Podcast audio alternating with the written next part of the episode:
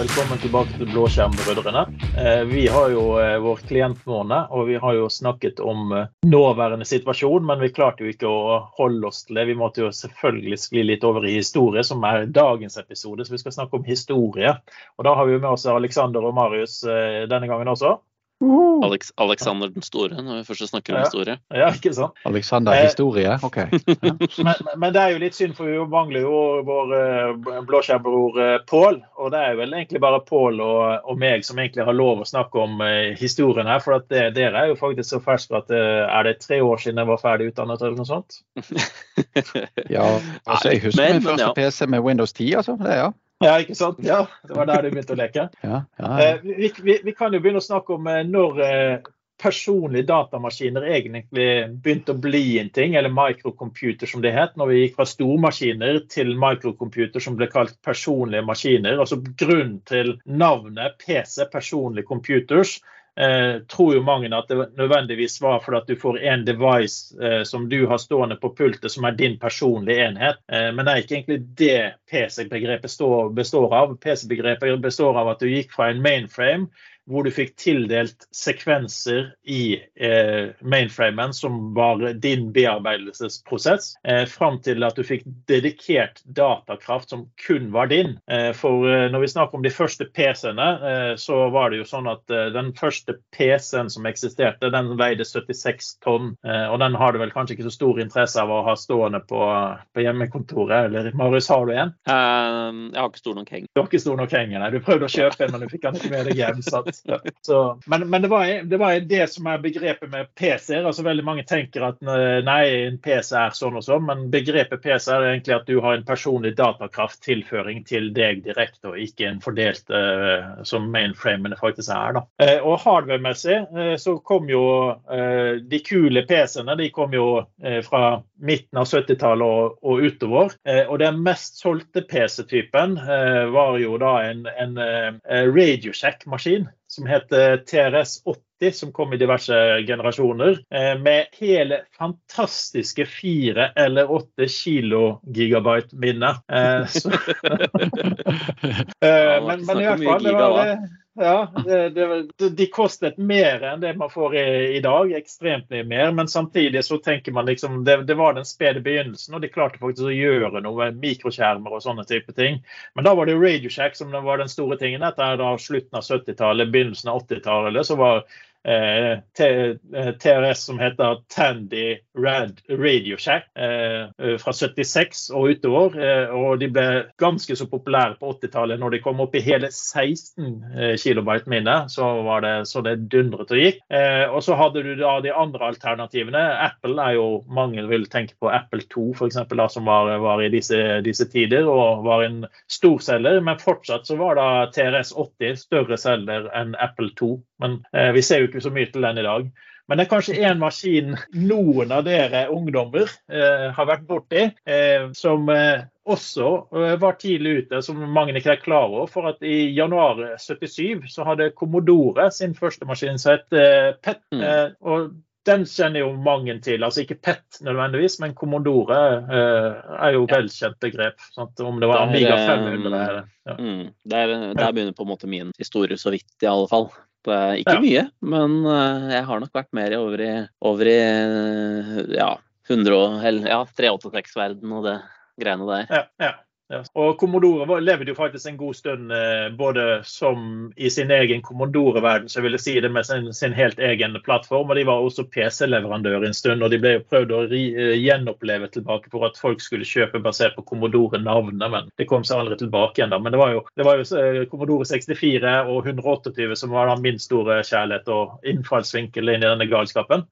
Og du, Og Alexander, der, hva og der sitter du fortsatt og jobber på, gjør du ikke det? ja, ja, selvfølgelig. Altså, man, har jo, man har jo det man må ha. Sant? Altså, det, det, det er mer enn nok vinne i denne 64 kilobyten til eh, Commodore. Sant? Det er noen trenger... famous quotes der. Ja, sant. Ja.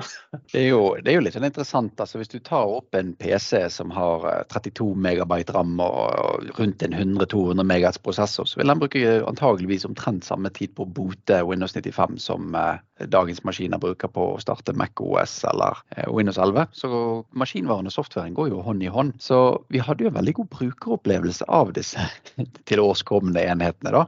For kravene var mindre. Og jeg syns det er noe du, du har vært så veldig god på dette, Olav. Du sier det at ting har ikke blitt Altså ting var ikke bedre før, men forventningene var lavere. ja, ikke sant. Ja. ja. Du var jo glad hver gang det startet opp. Altså da, ja. da, hadde du en god dag for at det startet opp, og du, du klarte å kjøre i gang det spillet du ville ha uten å måtte endre config-filene igjen. Så da, det, det var forventningen da. Da var du mer enn fornøyd. Så, ja. Ja. Men da, da, kommer vi kanskje inn på den andre delen av historien som kan være viktig å få med seg. Da. Det, det er jo det med operativsystemene vi sitter på. Eh, og Det har jo utviklet seg. Eh, primært sett så kan vi si at dagens eh, eh operativsystem som vi bruker på våre Windows-PC-er, det er basert på noe som heter CPM-DOS. Eh, eller CPM, da. CPM, eh, og CPM var igjen et tidlig 70-talls, midten av 70-talls eh, operativsystem, eh, som fungerte ganske overraskende bra. For det var ikke hardware-avhengig på samme måten som de tidligere operativsystemene var. sånn som eh, Tandy maskiner, disse TRS-80-ene, hadde eget operativsystem til å begynne med, som var lagd for den hardwaren. Men CPM kunne kjøre på flere maskinvarer ganske enkelt. Men når det begynte å bli mer krav til disse 8086-kortene som kom, Eh, så måtte man eh, ha et operativsystem som kunne kjøre på tvers av alt og lett kalle opp hardware, for det var jo egentlig det vi gjorde. Eh, og De første 8086-kortene som kom, de hadde jo faktisk ikke et operativsystem. De brukte Basic, altså Microsoft Basic til å kunne kommunisere med devicene, men det vil si at du måtte kode når du skulle gjøre noe, så kodet du kortet til å gjøre noe. Du hadde ikke et operativsystem i, i bunnen. Da. Eh, og da var det Seattle Computer Products eh, som lagde Kudos, eh, eller 86DOS som det også heter, som sto for Quick and Dirty operating system. Og hvorfor kan vi ikke kalle det quick and dirty operating system fortsatt? Det er mye bedre. ja, altså, det, det, det, er jo rett og slett fascinerende når du beskriver dette her. Um, tilbake igjen, og Vi går faktisk 20 år tilbake igjen. Når jeg tok serviceelektronikerfaget på videregående, så gikk vi gjennom hvordan prosessorer fungerer. Da. Og vi i denne bransjen av podkasten tenker jo veldig ofte på det at ja, prosessorer kjører PC-er. Men prosessorer er så mye mer. Og når man ser hvor mange rariteter av prosessorer som finnes, så får man et dypt innblikk i datamaskinens utrolig spede barndom. Og mange datamaskiner hadde jo to diskettstasjoner, ikke fordi det var kult, men fordi det var nødvendig. For den ene kunne du aldri ta ut. Den ene diskettstasjonen var operativsystemet, og hvis du mistet disketten som var på den diskettstasjonen, så var du faktisk eh, doomed. Eh, den disketten og det operativsystemet var ikke bare skrevet for din maskinvare, han var til og med skrevet for din fysiske maskin, for det var en unik prosessor i den maskinen. Mm. Så veldig ofte er det faktisk unike sammensetninger, altså komponentsammensetninger, og unike prosessorer som gjorde at du måtte lage unike operativsystem. Jeg må jo bare fremheve at eh, TRS-80 eh, var den eh, første mikrostasjonen, eller PC-en, som faktisk kunne kjøre fire floppydisker samtidig. Det var fantastisk. Er det det som heter RAID? I, i RAID 1 pluss 0? Ja, ja. ja, men vi ser jo det. Både jeg og Alex går rett på reid når vi snakker om disketter. Ja, ikke sant. Ja, eh, men, men, eh, da har vi jo egentlig fått eh, stadfekst litt med operativsystemet, da, som har vokst fram til eh, fra DOS, eller fra CPM til diverse versjoner av DOS, og fram til eh, DOS med Windows på toppen, og til Windows sånn som vi har det i dag, som er kanskje er mer kjent for andre. Eh, og hva var ditt favorittoperativsystem, Alexander? altså, hvert operativ operativsystem sin sjarm. Uh, må jo til og med si jeg syns Vista var sjarmerende på sin egen irriterende måte. Millennium ditto. Men uh, en kombinasjon mellom Windows 98 og Windows 7. Man må jo selvfølgelig snakke varmt om de nyeste, beste og alle gode ting. IOS har mye bra med seg, men Windows 7 mm. var sjokkerende bra feed. Mm. Eh, Marius, da, du da? Favorittoperativsystem? Ja, jeg må nok der si Hva må jeg si, da? 98 second edition. Og mm. det er for det er litt viktig, føler jeg. Mm. og ja, nei, egentlig Windows 10. Ja, altså ingen som har Windows XP Service Pack 3 som favoritt. Det var jo uh, det, det, mest stabile til sin tid, holdt jeg på å si. Og det var, var vel Pack 3 som var den som faktisk innførte at Microsoft fant ut at det er noe som heter sikkerhet. Ja, det er sant. For det var vel da user account control kom, var det ikke? Jo, og, og mange andre ting som skulle øke sikkerheten på maskinen og stabilitet og sikkerhet. Men eh, det var switchen da som gjorde at sikkerhet ble plutselig en ting. Og der, der, der kommer jo egentlig noen av de tingene du snakket om Alexander, som favorittoperativsystemet Vista. Mm. Eh, Vista er jo desidert det viktigste operativsystemet Microsoft har laget i moderne tid. Eh, Pga. at eh, der var hovedfokusen at vi må gjøre ting sikrere, for vi ser at verden er på vei rett ned i bøtta hvis vi ikke får gjort noe med sikkerheten. Mm. Så da ja, sammenhengen er ja. ja. XP ble jo et utbredt operativsystem, og, og, og du har helt rett, Surspec 3 fikk fokus på sikkerhet, men sett fra et brukerståsted så var jo Surspec 2 den viktigste når du fikk out of box-støtte for Wifi og blåtann. Mm. Um, det at du nok en gang, uh, vi nevnte jo dette, hvilken applikasjon er det du savner å installere? Sant? Jeg savner ikke Adobe Rida, savner ikke Vinnerar, men jeg savner virkelig ikke å installere Wifi-applikasjoner, altså. Eller i ISDN-kort det var alltid like morsomt. Det, det, var samme kort i samme type PC, men eh, det var forskjellige feil hver eneste gang. Det, sto, det, var, det, var, nesten sånn at de reklamerte 'virker på tre av ti PC-er'. Altså det, kunne like godt stått det på boksen. Så det... altså var det evige problemet det var å få tak i wifi-driveren til en PC-en som du selvsagt ikke fikk på noen wifi, sånn at du måtte finne en eller annen kabel som gikk mellom 14 rom fordi du skulle prøve å få den online for å få lasta ned den. For for du finner jo selvsagt ikke hatt noen disketter eller et eller annet sånt som virka. Wifi-drivere var kanskje altfor store for de. Mm. Og, ja. og dette var tiden før USB-minnepenner, folkens, for de som lurer. Ja, jeg husker fortsatt godt det at jeg hadde alltid med meg et modem i sekken når jeg reiste ut til kunder. Eh, og det modemet pleide jeg alltid å finne ut hvor har dere faksen deres, eh, sånn at jeg kunne bruke faksen til å ringe ut. For via telefonsentral var det bare å glemme dette. Så da var det å finne faksen så du hadde direktelinje, og så var det å logge seg opp. Og så var det å laste ned trekom-drivere til det kortet de hadde fått. For det Eh, alle kortene hadde tydeligvis forskjellige drivere på den tiden. Så det var 90% sjanse når du kom til en kunde, selv om du hadde med deg diskettboksen, som også lå i sekken. Så vi har redusert eh, innholdet i sekken ganske heftig over tiden. Men du hadde med en diskettboks hvor du hadde massevis av drivere med deg, sånn at når du skulle installere noe, så hadde du flaks og hadde eh, floppen fra før. Hvis ikke måtte du laste den ned, og du brukte ganske lang tid på å få både det å få tingene opp og gå, og så laste ned eh, trekom-drivere, da, så det var normalt på den tiden. Men, ja, jeg eh, ikke driverinstallasjoner, altså. Det var, var uff, ja. Men det òg var jo en stor overgang til Vista. De, operativsystemet begynte plutselig å stille krav til grafikkort. Mm. Um, de kom jo med en, eh, for de som ikke kjenner, kjenner til alle disse raritetene mulighetene, da, men, men i hovedsak 95-98 Millennium var jo for hjemmebruk. Og så var det en bonus at du kunne bruke de i jobbsammenheng. Mens NT40 og 2000 var jo da for jobbbruk. Mm. Men uh, Windows XP var den som slo sammen disse to. Og Da fikk du Windows mm. XP Home og Windows XP Pro. Der Pro kunne meldes inn i domenet og hadde en del businessrelaterte funksjoner som var inni, mens uh, Windows Home ikke hadde dette. Mm. I Vista og 7 så fikk du ikke mindre enn fem versjoner. Du fikk Home Basic, Home Premium, Business, uh, Ultimate og Enterprise. Mm. Og clouet med Home Basic er jo faktisk det at den stilte ikke de samme kravene til grafikkort. Nettopp fordi at man tok med seg veldig mange maskiner fra Windows XP-alderen over i den moderne alderen. Så selv om operativsystemet spiste alt PC-en hadde å by på, så skulle du i hvert fall få det til å virke. Eh, men hvis du trengte Home Premium, så måtte du sette i et nytt grafikk. Så vi, vi ser jo det at det har vært en del i, i den overgangen eh, XP Vista og XP Windows 7, men det har jo egentlig bare vært til det bedre, Olav. Mm. Men det var jo også en softwareutfordring eh, når du snakker om denne historien her. for at du nevnte akkurat den parallellen mellom noe, som er lagd for, eh, for, hjemmebruk og noe som er lagd for eh, profesjonell bruk. Men eh, applikasjonsutviklerne var ikke nødvendigvis helt klar over det. Eh, så jeg husker at jeg hadde en kunde eh, hvor du dual-botet PC-en enten i Windows 3.11 eller i NT4 eh, pga. at de hadde noen systemer som ikke virket på NT4, som de helst ville kjøre, for det var tryggere og mer stabilt operativsystem. Eh, så da måtte de bote seg over i Windows 3.11 når de skulle starte visse systemer, og så var de i NT4 resten av dagen. Så da hadde de faktisk dualbot på maskinene for at de skulle kunne gjøre jobben sin basert på applikasjoner, selv om det egentlig var Windows-applikasjoner. Så den sammensmeltingen i, i XP var jo faktisk veldig viktig.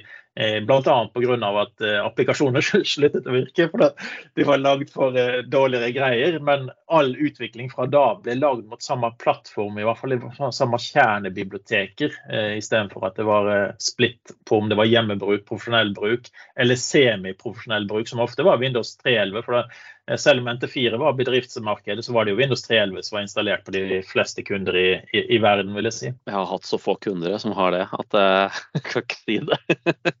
Svaret er vel ingen. Nei, ikke sant. Jeg har til og med vært med kunder med Windows 3.0, eh, og det var en ganske sær opplevelse. Man trodde ikke den der komma 1 skulle endre så mye, men det var faktisk ganske stor forskjell på 3.1 eh, og 3.0. Jeg har til og med vært borti en toer, det var et advokatfirma, for at advokatsystemet kjørte ikke på noe annet enn eh, Windows 2.0. Men jeg, eh, må jo innrømme at det er i hvert fall kanskje seks-syv år siden. Jeg, jeg eh, sitter med en magefølelse av at det advokatsystemet kanskje ikke kjører på noe til Windows 2.0 den dag i dag. For det er jo en av de store problemene vi har. At man lager et verktøy, bruker masse tid på å komme i gang med, et, med en programvare, og så blir det egentlig en slags abandonware. Veldig mm. mange leverandører la være å modernisere applikasjonen utover å legge til nye funksjoner. Ehm, vi vet at eh, journalsystemer har en eh, ugrei tilnærming til print. De fikk det til å fungere til de printerne som var på markedet når applikasjonen kom. Og i ettertid så har de bare måttet trylle det til med adapter og kimmer for å få det til å fungere mot andre nyere printere. Ehm,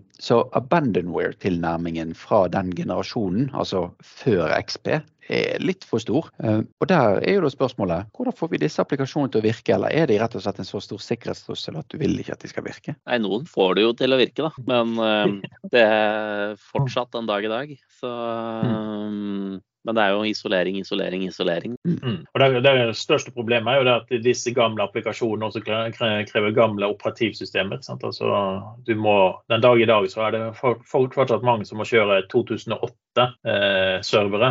Eh, I beste fall 2012. Eh, ikke eh, 64-bits-versjon, altså ikke R2-versjon, for de må ha noe som kan kjøre 32-bits-kode som er lagd på 32-bits ren plattform. Så. Og det mm. klarer du ikke nødvendigvis å skimme. Eh, og det er til og med noen utviklere som, eh, eller eh, eh, softwarehus som er så frekke at de sier at hvis du porterer dette her, hvis du kjører det på denne plattformen, og den plattformen er ikke supportert lenger av noen.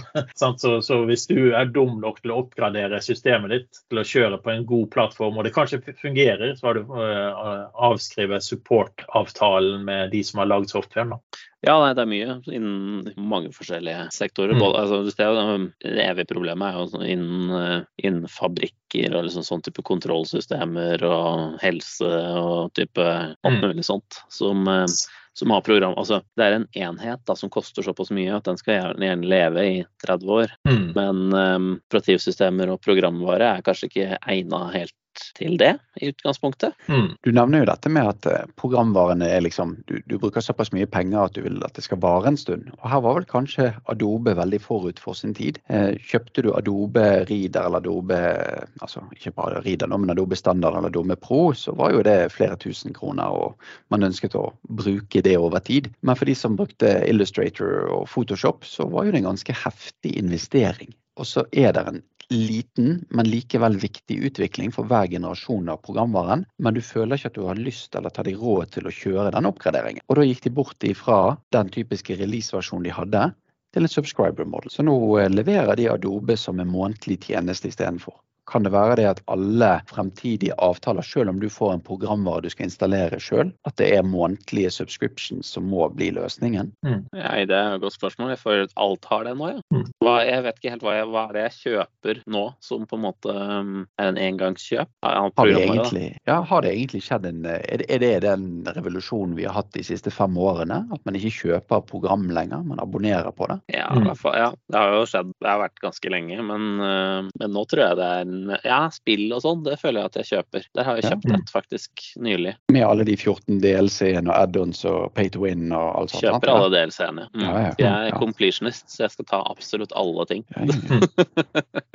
jeg så faktisk mm. Eh, sist jeg kjøpte en, eh, en applikasjon som jeg eier helt og holdent, eh, så kunne jeg velge mellom å abonnere på det eller kjøpe det. Og det å abonnere på det i et år kostet ja, halvparten omtrent, litt, litt, over halvparten av å kjøpe programmet. Men samtidig så var dette et program som jeg fant ut at jeg kommer til å ville trenge på et eller annet tidspunkt, men jeg vet ikke når. For det var video, video relatert til videokonverteringer. Da. Og da valgte jeg å kjøpe det bare for å vite at jeg har det programmet, men at jeg ikke betaler hvert år i tilfelle jeg trenger det. Det er én ting. Og så har jeg sett på en del av disse videokonverteringsprogrammene som går på spesielt på dette var gamle, gamle camcorder-recordings. Eh, så har jeg sett at eh, sist jeg gjorde denne jobben her, eh, så ble det konvertert og lagt til et bibliotek. Og så eksisterer ikke softwaren lenger. Så jeg måtte lete ganske lenge for å finne en måte å trekke ut disse rare filformatene som den hadde laget, sånn at jeg kunne jobbe videre med disse filene. Så derfor har jeg valgt faktisk å kjøpe en, en ikke-varende. Men, men, det kostet altså mer enn å kjøpe Eh, kjøpe to års eh, abonnement omtrent. Sant? Så, så det, det, det, er kanskje der litt av forskjellen. Du kan kanskje få lov å kjøpe det, men det vil bli mye dyrere. Men mm. ble det egentlig dyrere enn, en, en å glemme å si opp abonnementet? Nei, for det skjer jo. Mm. ja, du, måte... du, kan jo bare se strømmetjenester. Hvor mange TV-abonnement er det du abonnerer på som du egentlig ikke bruker? Mm. Det er faktisk ingen, for jeg er litt flinke på å rotere litt. Men det er jo på en måte ikke like egnet for programvare, da, føler jeg. Det nå skal jeg ikke editere lyd på en stund, så nå Du kan jo for all del gjøre det, men jeg føler sånn som Adobe, da. De øker jo prisen en gang i halvåret eller et eller annet sånt, sånn at eh, da har du én pris nå så kansellerer du kanskje i tre måneder. Da får du en ny pris som er litt høyere per måned senere, så vinninga går opp i spinninga, og så har du det gående med alle mulige sånne type ting. da. Mm, mm. Ja, nei, Det blir jo fort, uh, fort, det at man må prøve å analysere når man trenger ting. Jeg har en helt annen uh, måte å angripe det på. for uh, Når jeg snakker om streamingservice, så er det sånn at jeg passer på at jeg panisk går inn en eller annen gang i løpet av måneden og så spiller av noe på all, alle de jeg abonnerer på, så jeg ikke har så jævla dårlig samvittighet. Ja, det er det. Lurt, lurt. Men når, når får vi Eller det, det fins helt sikkert allerede. Men um, altså, ta f.eks. Um, Adobe Audition, da, som jeg har brukt å editere litt podkast og sånn. Jeg bruker det én gang i uka. Uh. Det tar fem minutter, eller ti minutter, eller et eller annet sånt noe. Um, kommer vi til å ha pay per minute, eller et eller annet sånt noen muligheter mm. på noe, eller fins det noen som har det allerede? Ja, ja det har jeg betalt for heller. For at, uh, akkurat som du sier, jeg har unngått disse Adobe-produktene. For at uh, jeg gjør så lite på dem at prisen er ikke forsvarlig. Nei, altså nå, er, nå har jeg faktisk bare sagt til meg sjøl at da får jeg heller bruke dobbelt så lang tid i Audacity. For det tar meg et kvarter der i stedet for at det tar meg ti minutter i audition. Mm, og det, de fem minuttene de er ikke verdt ikke fryktelig mye, men det er liksom 250-300 kroner eller noe sånt nå i måneden. Da. Det er penger, det òg. Mm. Ja, ja. Det hjelper jo på. Så. Hvis du tenker dette i et uh, firmaperspektiv, så har du gjerne 20 stykker som skal gjøre dette her. Så må man gjøre en sånn kost-nytte. Skal du da la de 20 bruke 10 minutter lenger, eller skal du rett og slett betale 5000 kroner måneden? Ja, og, det, men det, det skjer, her skjer det jo litt sånn spennende ting, da, f.eks. rundt um, uh, Windows 365. Der har du jo sånn frontline-type lisens. Um, mm. Jeg tror det er i preview nå. Uh, hvor du kan Eller skift, er det de kaller det. Skift-lisens. Hvor du kan kjøpe Du, du lisensierer tre brukere, men de, kan, altså de tre kan dele på en måte én samtidig PC. da. Så De har mm. egentlig hver sin PC, men de kan, de kan, ikke jobbe samtidig fordi de jobber skift. ikke sant? Så Poenget da er at du betaler én lisens, men du får tre brukere som kan aksessere i det tilfellet en Cloud PC. da. Mm. Um, men da kan bare Jens logge på når Nils og Fredrik ikke bruker uh, sin Cloud PC. Da Da får du på en måte en mm. pool, da, så du kan jobbe opp på at du har liksom Vi kan bruke våre 30 skiftarbeidere, de kan bruke f.eks. 12 Cloud PC samtidig, da, eller noe mm. lignende. Mm. Der har du jo i hvert fall store muligheter til å spare inn en del, da, men jeg ser jo selvsagt at det, Adobe har jo ikke lyst til at det skal være billigst mulig. De har jo lyst til at det her Nå kaster jo Adobe hardt under bussen her, da, men eh, de vil jo ha på en måte mest mulig. Ja, ja. Men eh, jeg ser eh, lisensieringsmetodene endrer seg jo litt, tror jeg, basert på akkurat denne typen ting. For jeg oppdaget her forleden dag at Power BI har jo en sånn mulighet til å lisensiere direkte direkte mot en subscription, eh, og han tar da én bruker eh, og kjøper en lisens, altså alle 100 kroner eller noe for Power BI-lisensen. Eh, Men mm. neste måned så nullstiller han antall lisenser, og så kjøper han hvor mange som bruker systemet. Sånn at du ser at Hvis du f.eks. har en, en Power BI som blir veldig populær til å begynne med, så er det kanskje 50 brukere. Mens måneden etterpå så er det 25, og så stabiliserer det seg på 10-15. Eh, og da vil du se at eh, du betaler bare den månedsavgiften istedenfor å måtte gå inn og så sjekke hele tiden hvor mange er det som faktisk bruker Power BI som trenger lisens, eh, og hvor Mm. mange er det som har hatt det, men ikke trenger det lenger. Altså det, det, det er ganske mye arbeid det å vedlikeholde lisensen sine. Selv om det er mye penger å spare på det, så er det, er det bra å se at de begynner å lage metoder for dette. Og jeg, og jeg vil si at det, det er veldig kundevennlig. Det er sikkert ikke det lureste sånn, holde på å sa, pengemessig for i det tilfellet Microsoft. da. Fordi de vil jo sånn sett kunne tjent mer hvis, det de, hvis du måtte lisensiere flere brukere da, som var på ferie i den måneden, f.eks. Mm.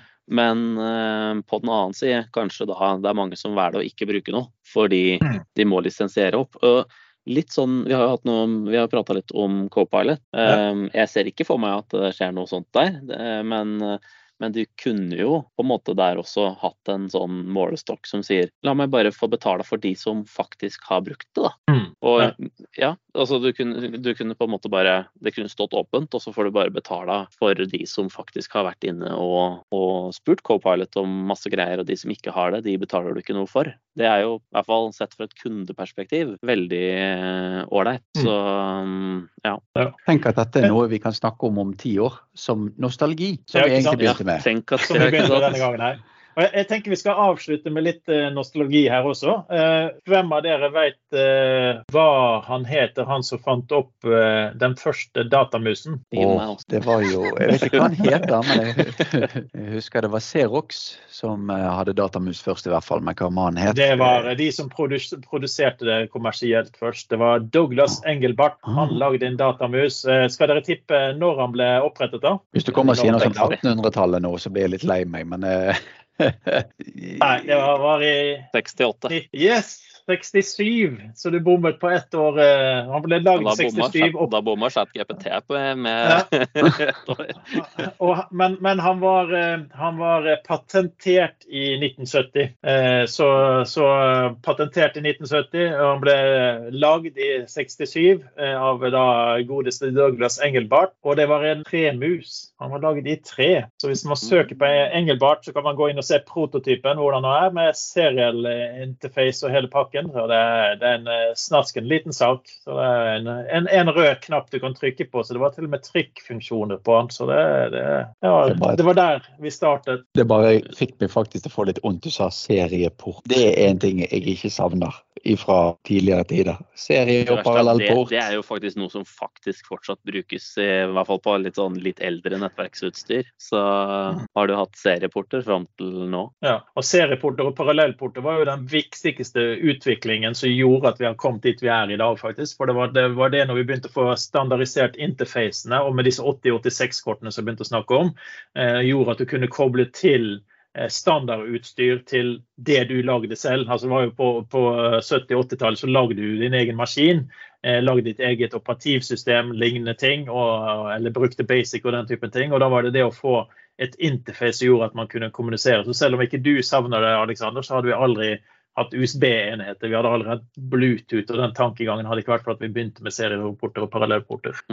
Men sånn som PS2-porten da, for mus og tastatur. Altså, de, alle de tinga har jo uh, litt krevd på en måte en sånn hard hardware-utvikling. og også da, du, du kunne bare ha én mus og tastatur på, på PS2. Du hadde aldri to PS2-inputs for mus. Sikkert noe med hvordan interrupts funker og alt mulig sånne type Buss, greier. buss ja. Um, men jeg husker i hvert fall at um, um, Settlers 2, godt gammelt spill, der Ja. kunne man spille split screen på samme PC med Mm. seriemus og én PS2-mus. Så du kunne sitte med hver din muspeker på Ja, samme spillet Ja. med split screen. Det var ganske tøft. Så det var ikke sånn at du satt to med samme eh, tastatur, sånn som det ellers var når det var multiplayer. Så satt du Nei, det ene nei, satt med ASVD. og den. Ja.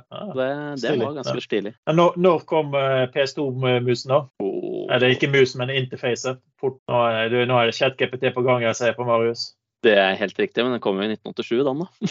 Yes, 36 år siden. Så ja. Jeg er like gammel som PS2. Ikke Ja. verst. Han har da det som kalles bidireksjonal synkroniseringserialkanal.